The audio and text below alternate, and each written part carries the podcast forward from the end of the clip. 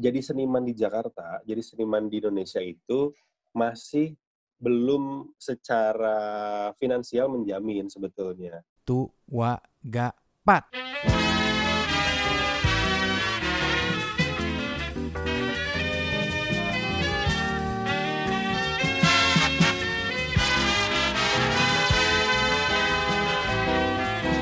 Anda sedang mendengarkan The Bernhard Para Show. Oke, Ini kan sekarang kita lagi pandemi nih di rumah gitu kan. oke, Uh, siap. aktivitas mayoritas di rumah. Kang Hmm. Jaman sendiri sekarang aktivitasnya gimana? Apa sih kesibukannya Ya. sekarang pekerjaan dan lain-lain? Sekarang masih di rumah, terus bikin konten kreatif dari rumah aja, sama menye, apa namanya bikin konsep untuk pasca pandemi. Karena Bikin konsep lain-lain. uh, takutnya ketika kita udah terlena WFH gitu ya, udah berbulan-bulan kita di rumah, terus uh, kita nggak mikirin ke depan setelah pandemi seperti apa, Ya. kaget ntar gitu. Oke. Soalnya kan banyak banyak juga yang orang orang terkaget ketika masuk pandemi, tapi ntar lebih kaget lagi kalau setelah pandemi ngapain ya gitu. Iya. Tiba-tiba udah Iya, nggak WFH harus- lagi, udah keenakan WFH ya. Nah itu badan menggemuk ya kan. iya, udah badan menggemuk gitu kan. Atlet-atlet aja udah gemuk-gemuk sekarang ya. Nah itu. Tapi kan gemuk- zaman sebelum pandemi nih aktivitasnya gimana sih sebelum WFH? Oh, Kalau sebelum pandemi seperti biasa eh, ngajar aktif masih di salah satu sekolah. Kemudian kayaknya next semester di bakal pindah ke kampus lagi. Mm-mm. Kemudian eh, PH tetap jalan. PH yang saya geluti dari du- tahun 2013, zaman Edan Production. Mm-mm. Namanya cukup unik gitu ya, zaman Edan. Ya cukup relate sama zaman sekarang kali ya, zaman Edan. Lagi edan soalnya zamannya. Iya. Oke, Kang Jaman. Kan Kang Jaman ini seorang seniman ya, pengajar seni juga ya. Betul. Em, dan pernah ikut Asian Got Talent juga, terus Akses juga ya betul. eh, apa namanya aktif di PH dan lain-lain. Nah, tapi sekarang gini, sekarang kita lagi pandemi di rumah Mhm. aja. Kang Jaman kan suka bikin pertunjukan-pertunjukan juga gitu kan? Betul. Nah, saat di rumah aja ini benar-benar terganggu nggak sih Kang dari dari produksinya, income jadi menurun dan lain-lain? Pasti. Terganggu banget Udah nggak pasti, sih? udah pasti. Udah pasti ya. Emang Karena kan- biasanya kalau kan, kan kan ini kan pekerjaan yang nggak ada ibu-ibu yang kayak rata-rata ya Mhm. minta anaknya kayak udah nanti jadi seniman aja jadi gatot kaca aja gitu kan Iya Nggak kan ada, kayaknya, nggak ada kayak nak mama bangga sekali kalau nanti kamu besar kamu jadi gatot Iya, kaca iya, gitu benar-benar. Nggak ada kayaknya. nah tapi iya nggak ada kan kayak gitu nah tapi kalau kang Jaman sendiri gimana sih kita coba buka pikirannya gitu Kalau eh, saya cerita sedikit kali ya. Jadi sebelum pandemi itu memang eh, kita kan mungkin para seniman itu termasuk saya pribadi, ten- entah seniman yang tradisional, entah seniman yang eh, tidak bukan tradisional gitu maksud saya, yang umum itu pasti mengandalkan off off air biasanya. Mm-mm. perform, kemudian eh, beberapa kali, kemudian ditransfer dan seterusnya. Itu udah pasti lah, income-nya dari situ. Secara off air, Eh, secara apa namanya eh, pasif income-nya, nah itu yang tidak difikirkan oleh banyak teman-teman seniman yang lain. Sehingga ketika ada situasi seperti ini, jatuh-jatuh sekalian gitu semuanya Oke. kecuali mungkin yang kecuali mungkin yang seniman dengan bayarannya fantastis mungkin ya dia bisa saving banyak dan seterusnya. Nah itu mungkin bisa lebih safe. Tapi kalau teman-teman seniman yang biasa gitu kasihan juga ketika mereka pandemi seperti ini selesai sudah biasanya mereka manggung eh, dibayar kemudian untuk hidup seminggu untuk hidup misalnya sebulan ini selesai sudah gitu. Nah, nah kan tadi ini banyak yang nggak punya penghasilan pasif ya ah betul Emang penghasilannya seniman tuh biasanya berapa sih, Kang? menarik nih, menarik nih. Kalau seniman itu tidak diukur dengan uh, apa namanya, walaupun bertarif, tapi Mhm. kadang-kadang juga tidak bertarif biasanya. Oke. Karena mereka itu kadang-kadang mengandalkan eh, persaudaraan juga biasanya. Oke. Misalnya, eh bro, gue mau ada acara nih. Ya udahlah, ayo sikat. Yang penting tanggalnya kosong, tidak bentrok, dia jadi gitu. Walaupun dia nggak mikirin uang dulu gitu. Hmm. Kadang-kadang ada yang seperti itu. Tapi ada juga yang, wah kita belum kenal nih. Dan yang ngajak event, eventnya cukup besar.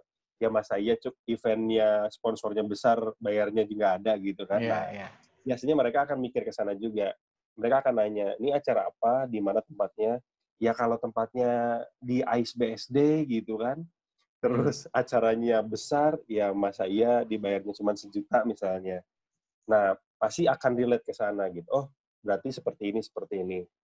Karena banyak banyak eh, artis juga yang seperti itu, seniman yang seperti itu, mereka kadang-kadang menanyakan dulu ini acara apa. Kalau acara betul-betul acara yang eh, sosial, mereka nggak dibayar pun nggak apa-apa gitu, nggak Oke. masalah. Dan termasuk saya pun begitu. Oh, sisi sosial nih, ya sudah ayo kita ramekan. Yang penting eh, misalnya eh, wardrobe, eh, make up eh, dan seterusnya tersedia, ke panggung tersedia, ya sudah ayo kita jalan. Tapi kalau misalnya oh ini komersial nih, ya sudah kita komersial yuk gitu. Seperti Hmm. itu kira-kira. Nah, Kalau Tapi itu dia misalnya- Kang Jaman. Ah, sorry, silakan, silakan, silakan.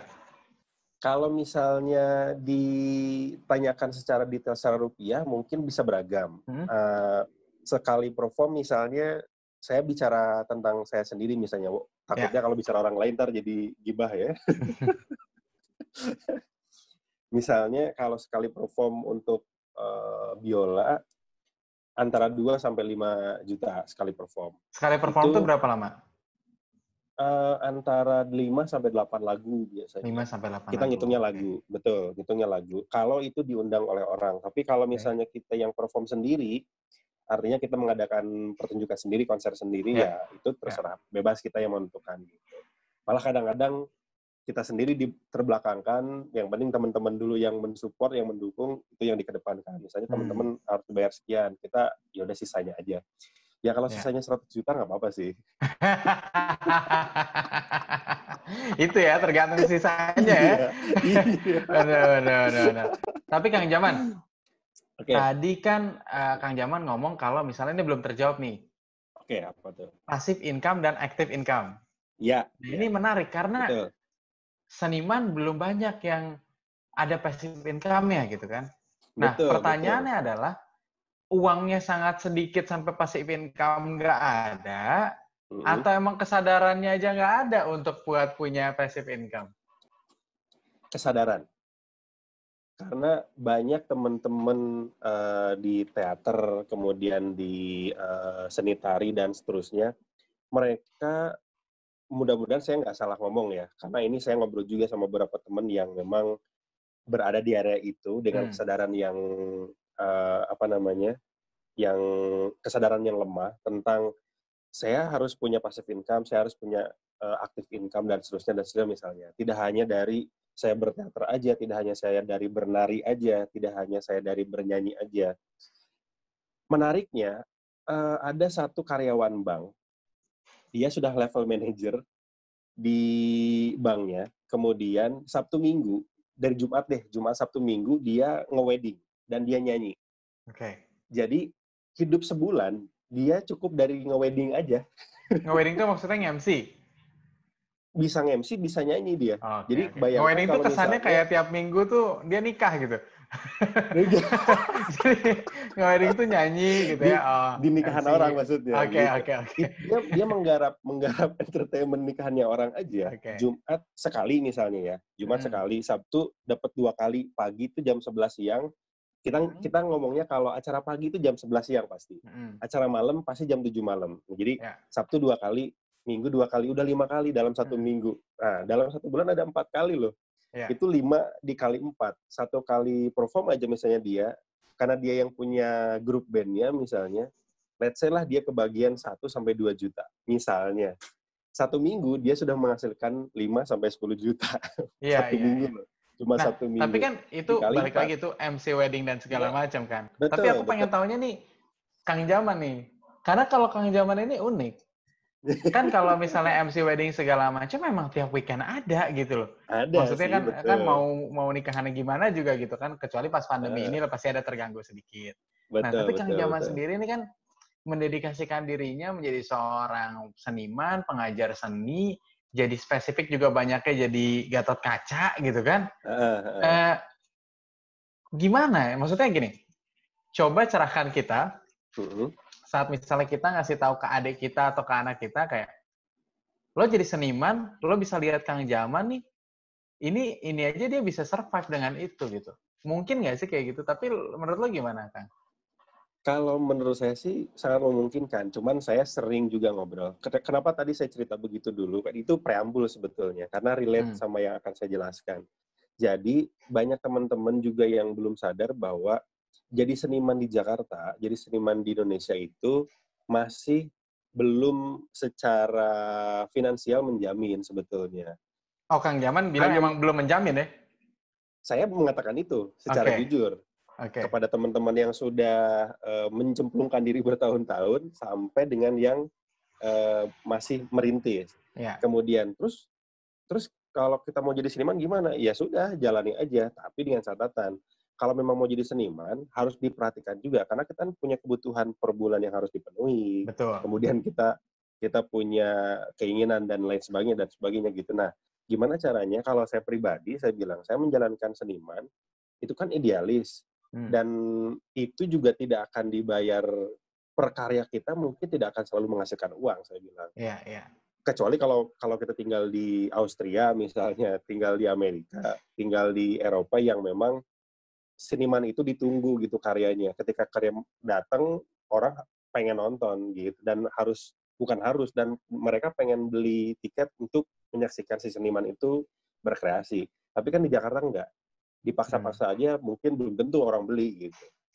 Nah, caranya adalah caranya adalah cari pekerjaan memang yang sesuai passion di tempat tertentu di instansi ter- di instansi tertentu yang bisa menghasilkan tiap bulan itu satu untuk membackup kebutuhan tiap bulan. Oke. Kemudian untuk idealismenya berkaryanya, nah jalan juga dengan cara subsidi silang karena kan berkarya itu juga butuh modal, berkarya itu butuh Betul. uang untuk membuat ini dan seterusnya. Kalau misalnya Betul. tidak ada backup itu dari mana? Sponsor belum tentu loh sekarang, karena sponsor itu susah sekarang, susah banget. Sekarang tuh sebelum pandemi juga termasuk. Termasuk sebelum pandemi aja sponsor susah, serius. Saya dari 2018 cari sponsor buat musik aja. Kalau followers di IG-nya nggak banyak, kalau followers di YouTube-nya nggak banyak, mereka nggak mau placement gitu. Minimal harus sekian, harus sekian dan seterusnya. Dan itu Oke. sangat terbukti sekarang bahwa dengan berkembang dunia digital dari sejak 2015-an ke sini memakin hype, orang memperhitungkan itu. Jadi Hmm. kalau misalnya seniman-seniman yang nggak eksis juga di dunia digital, yang tidak mikirin eh, apa namanya passive income ke depan dari hal yang digital gitu, ya itu susah gitu. Seperti sekarang ya mati aja gitu. Nah. Jalan terus, tapi dari sisi yang lain jadi mati gitu. Nah, itu dia nih. Ini menarik juga. Karena gini, kalau misalnya dilihat seniman yang followersnya nggak ba- nggak banyak juga banyak kan? Maksudnya Banyak. banyak banget gitu. Bahkan yang followersnya banyak pasti lebih sedikit dibanding yang followersnya nggak banyak, ya nggak sih? Iya betul, Iya kan? betul. Pasti, iya kan? Nah, tapi pertanyaannya gini. Saat misalnya follower sedikit. Karyanya kan belum tentu jelek ya? Jelek Belum bagus itu jelek. pun perspektif kan Kang, Iya Kang- betul, Kang Jaman betul. Nah, betul, Nah, betul. Kang Jaman sendiri nih, kan fokus uh, ini dulu deh. Kenapa Gatot Kaca? Oke.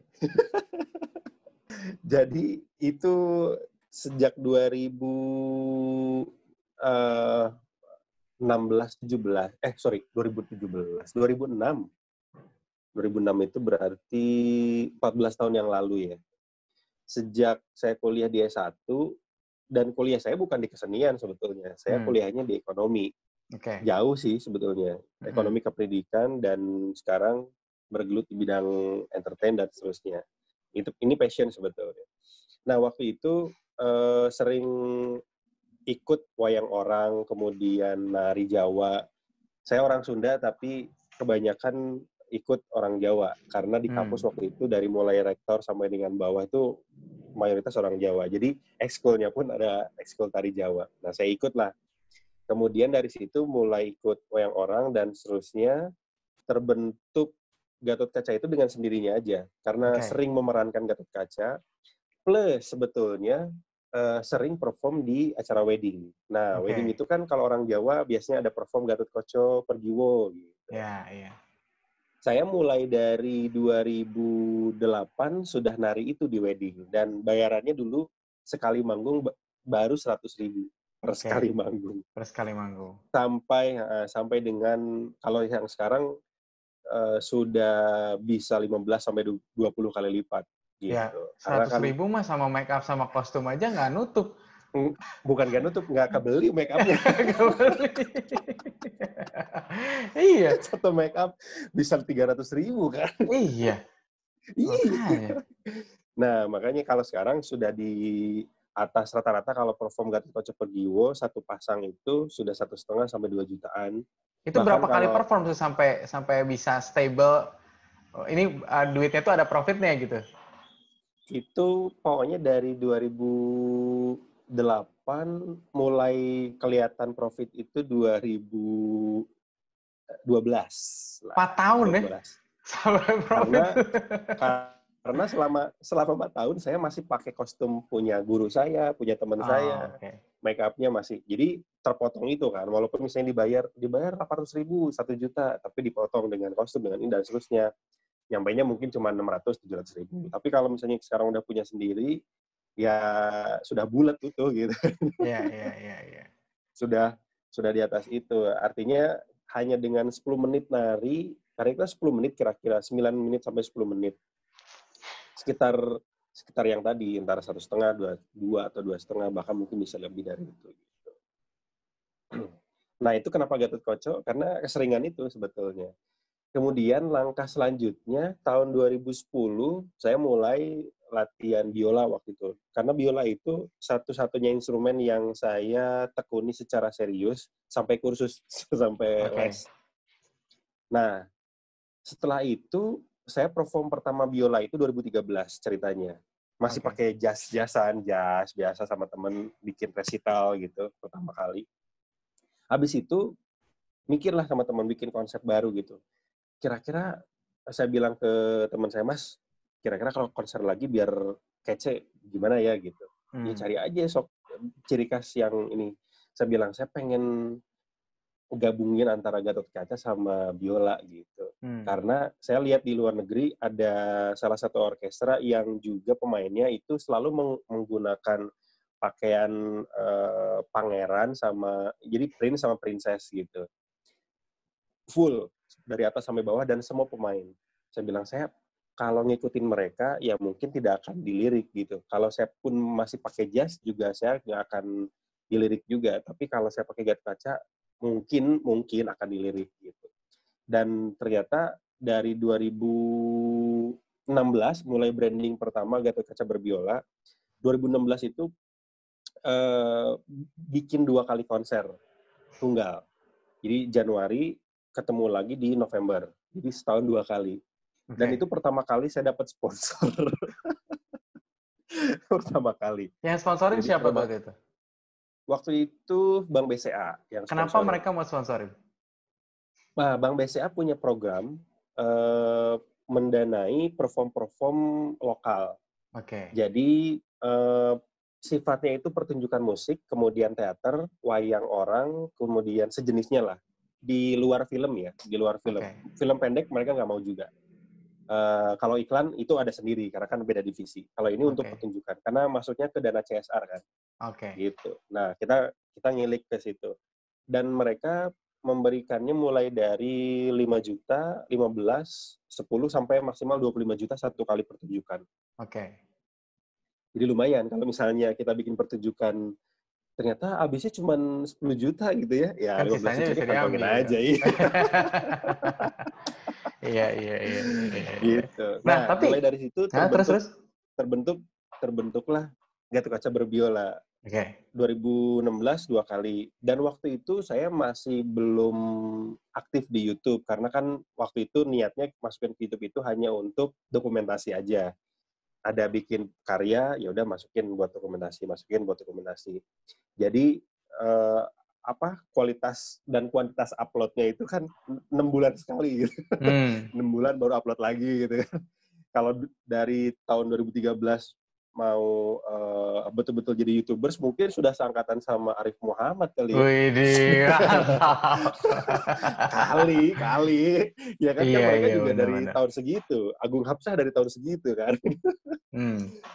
cuman nggak nggak sering upload aja gitu sekarang sekarang ini aja ya udahlah aktif aktifin lagi gitu Baru rajinnya akhir-akhir ini ya, setahun belakangan setahun, tahun belakangan belakangan. Nah, Oke, setahun oke. belakangan Nah, tapi itu Aha. pun sebetulnya udah udah diingatkan sama temen saya yang di RTV waktu itu. Ada produser di RTV sampai sekarang dia pindah ke MNC Eh, man TV nasional itu bakal mati katanya konvensional. Itu dari 2015 lima tahun lagi lihat aja nanti bakal mati gitu. Digital itu bakal naik. Waktu itu dia pun belum bikin YouTube. Hmm. dia ngomong itu belum bikin YouTube. Tapi dia sudah bikin PH karena saya udah pernah masuk di PH-nya dia waktu itu. Iya. Eh, sarang kreasi media prima kalau masih ada sampai sekarang tapi nggak aktif karena dia lebih aktif di TV bukan di Oke. PH-nya. Nah saya mulai branding atau kaca berbiola dan memang sering sharing sama dia juga. Ini bagus nih lanjutin nih belum ada nih unik eh, di di Jakarta belum ada seperti ini. Bahkan sampai ke Asia Got Talent pun tadinya eh, apa namanya tarik ulur tuh pakai kostum Gatot apa enggak nih gitu. Kalau saya nggak pakai kostum Gatot, apa bedanya saya sama Henry Lamiri, sama, saya sama pemain-pemain apa eh, biola yang lain. Biola yang lain ya. Heeh. Henry Lamiri sudah punya ciri khas permainan Melayunya. Eh, Maila Faiza, eh, apa namanya, anak didiknya almarhum Idris Sardi, eh, biola elektrik gitu, sudah Hmm. punya ciri khas masing-masing. Iya. Terus saya nongol dengan mewujud begini, terus jadi apa gitu? Iya, iya, iya. Ya, Karena yang lebih jago dari saya banyak gitu. Betul, Tapi betul. kan yang yang beda mungkin belum tentu. Oke. Karena sedikit berbeda lebih baik dibanding nggak beda sama sekali ya. iya betul. ya karena kalau ngukur jago juga susah kalau misalnya Waduh, saya kalah Kita ngelihat kan- iya perform kan satu lagu aja untuk menguasainya kan sebenarnya nggak butuh waktu yang lama banget ya. betul. Kan kita Apalagi kalau mau lihat jago mungkin dia bisa banyak ya. lagu dan lain-lain kan. Betul, betul, Iya, betul. iya, iya. Oke, oke, oke. Nah, Kang, gini. Hmm. Kan sekarang Kang Jaman udah nikah juga nih. Oke. Dan nikahnya pas lagi pandemi lagi kan gitu kan. Pandemi, aduh. Untuk nikah kan butuh modal nih. Oke. ya kan untuk nikah butuh modal. Terus habis itu juga sekarang juga lagi pandemi juga sekarang pasti seret dan lain-lain. Hmm. Itu untuk semuanya gitu kan. Nggak cuma buat seniman yang kena kena kena masalah ekonomi tuh mayoritas gitu loh. Nah, untuk Kang Jaman sendiri nih, kan udah tahu nih ngerasain nih dari sebelum Hmm. pandemi juga jadi seniman kayak gimana, setelah pandemi gimana, dan bahkan Kang Jaman nggak cuman perform aja tapi ngajar juga. Jadi kan ada income-nya beberapa beberapa pemasukan gitu kan. Iya, iya. Kayak yang Kang Jaman tadi bilang nih ada yang per bulan gue, ada yang idealis gue nih. Iya, gitu iya. Pertanyaannya adalah nanti nih misalnya Kang Jaman udah punya anak Hmm. ya. Anaknya mau Oke. jadi seniman nih. Iya, oke. Aku ingin seperti ayah gitu. Iya. Kang Jaman bakal jawab apa? Saya bakal support. Bakal support ya? bakal support. Kenapa? Bakal support. Karena orang tua saya juga melakukan hal yang sama. Hmm. Jadi ketika saya milih jalan ini, kemudian pekerjaan ini, passion ini ya, karena kan ini kan passion juga. Ya beliau-beliau tidak ada yang komplain gitu, mensupport, malah malah mensupport. Ya udah silakan, didoakan gitu. Malah begitu loh. Lebih disupport ya? Jadi iya, Nah. jadi intinya begini, ketika saya mikir lagi, oh ternyata bukan bukan karena sebagai pekerjaannya eh, yang disupport atau enggak sebetulnya, tapi orang tua meridoi apa enggak sih gitu. Hmm. Cuman itu aja sih sebetulnya. Kalau misalnya gini, eh, pah atau mah saya mau jadi dokter dong. ya kata orang tua ya nggak apa-apa sih silakan aja tapi gimana ya misalnya. Berarti kan orang tua tidak ridho walaupun Iya, iya. jadi dokter bagus mulia. Misalnya jadi sesuatu yang lain. Bukan berarti jadi dokter tidak bagus sangat bagus sekali gitu. Hmm. tapi juga bukan berarti jadi seniman tidak bagus. Sebetulnya intinya adalah ada di ridho orang tua aja. Kalau orang tua ridho ya sudah pintu langit terbuka kan. Hmm. karena yang namanya uh, income penghasilan atau rezeki itu berbeda gitu. Income income itu yang kita pikirkan secara logika tapi ketika kita bicara rezeki yang kita terima mau kita sebagai apa pun mau sebagai seniman sebagai kita youtubers gitu sebagai uh, kerja kantoran dan seterusnya sudah beda lagi konsepnya. Oke. karena saya merasakan sendiri dari 2009-10 saya ber eh, nari Gatot Koco, kemudian 2016 bikin branding Gatot Koco berbiola, sampai 2018 dengan bisnis melibatkan ah, dengan bisnis tanpa melibatkan eh, Tuhan, dengan bisnis melibatkan Tuhan itu hasilnya beda. Oke. Walaupun kita seniman, tapi akan jauh lebih jauh lebih bombastis dan fantastis hasilnya kalau dilibatkan ada Tuhan di situ gitu. Nah, ngomongin Dan saya- soal tadi tuh ngelibatin Tuhan dan gak nggak ngelibatin Tuhan, Iya. emang ada pengalaman apa Kang Jaman? Wah, banyak lah pokoknya. Salah satunya adalah tahun lalu, ketika sebelum uh, menikah, itu Hmm. dengan calon istri, kemudian diskusi. Nih, saya bilang, karena sudah serius gitu ya, jadi buka-bukaan buku rekening.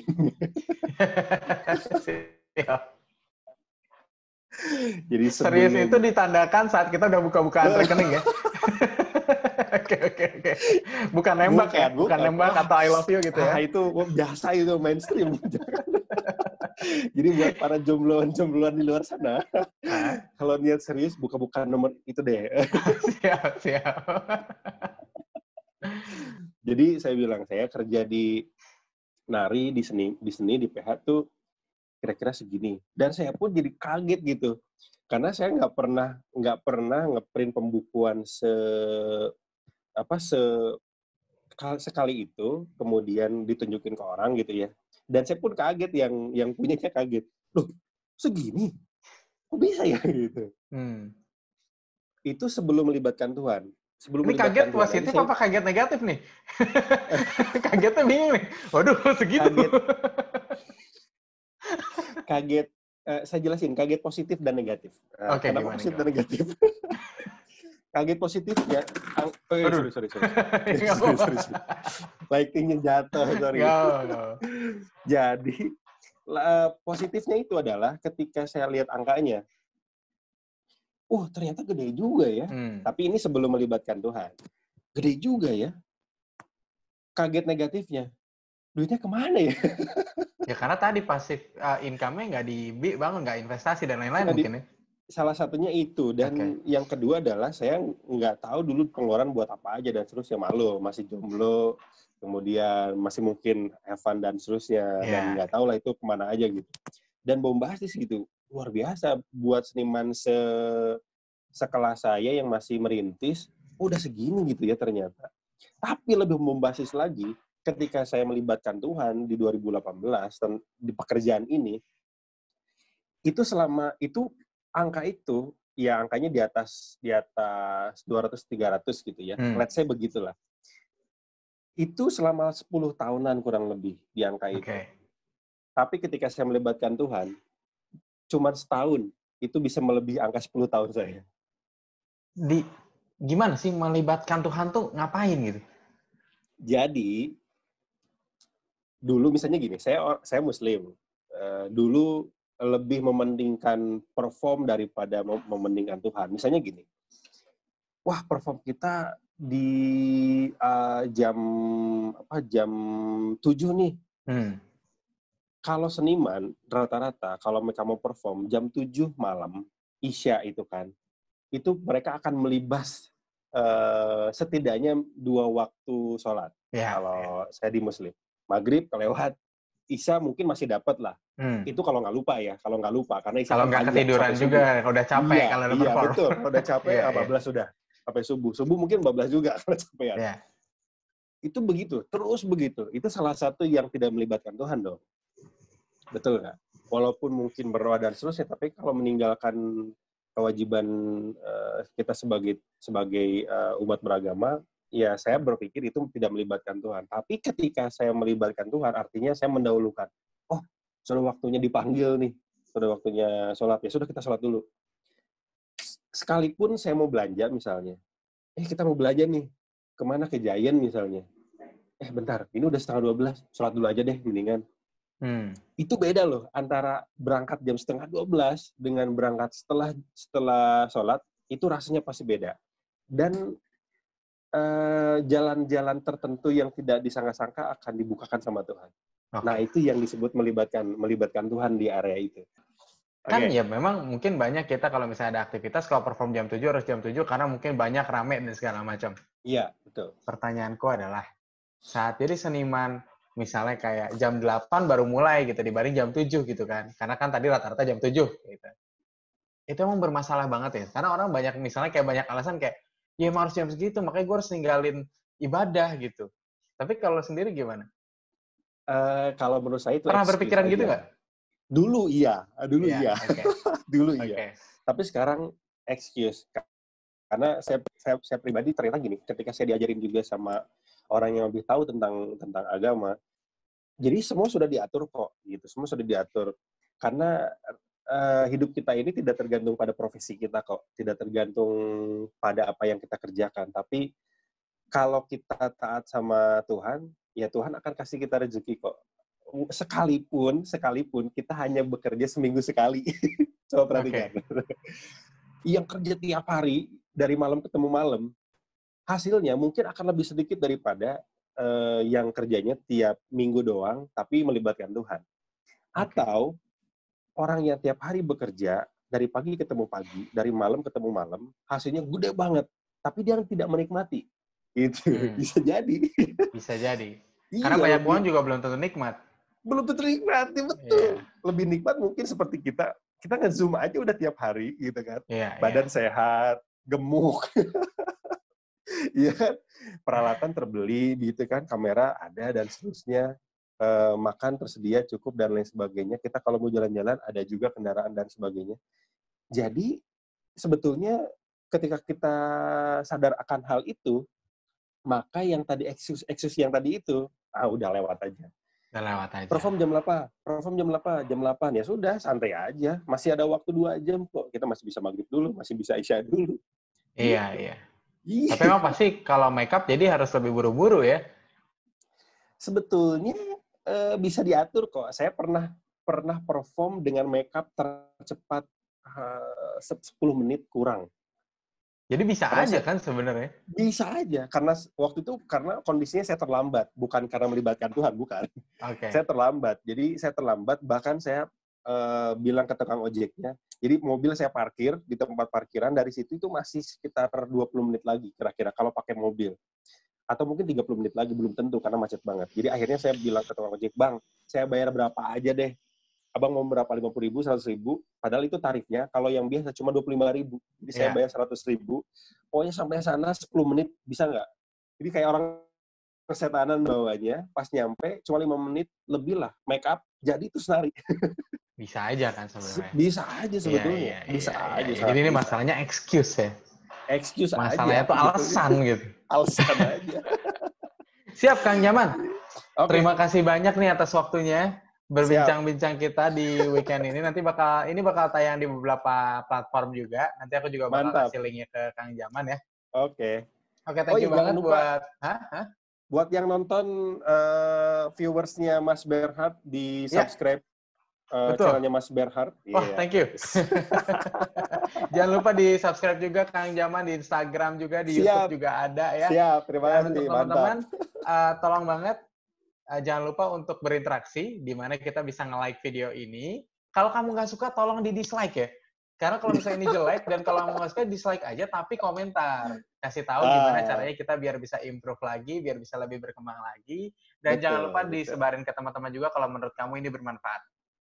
Mantap. Thank you Kang Jaman. Sehat selalu, Terima sukses kasih. selalu untuk semuanya. Amin amin. Terima kasih Assalamualaikum.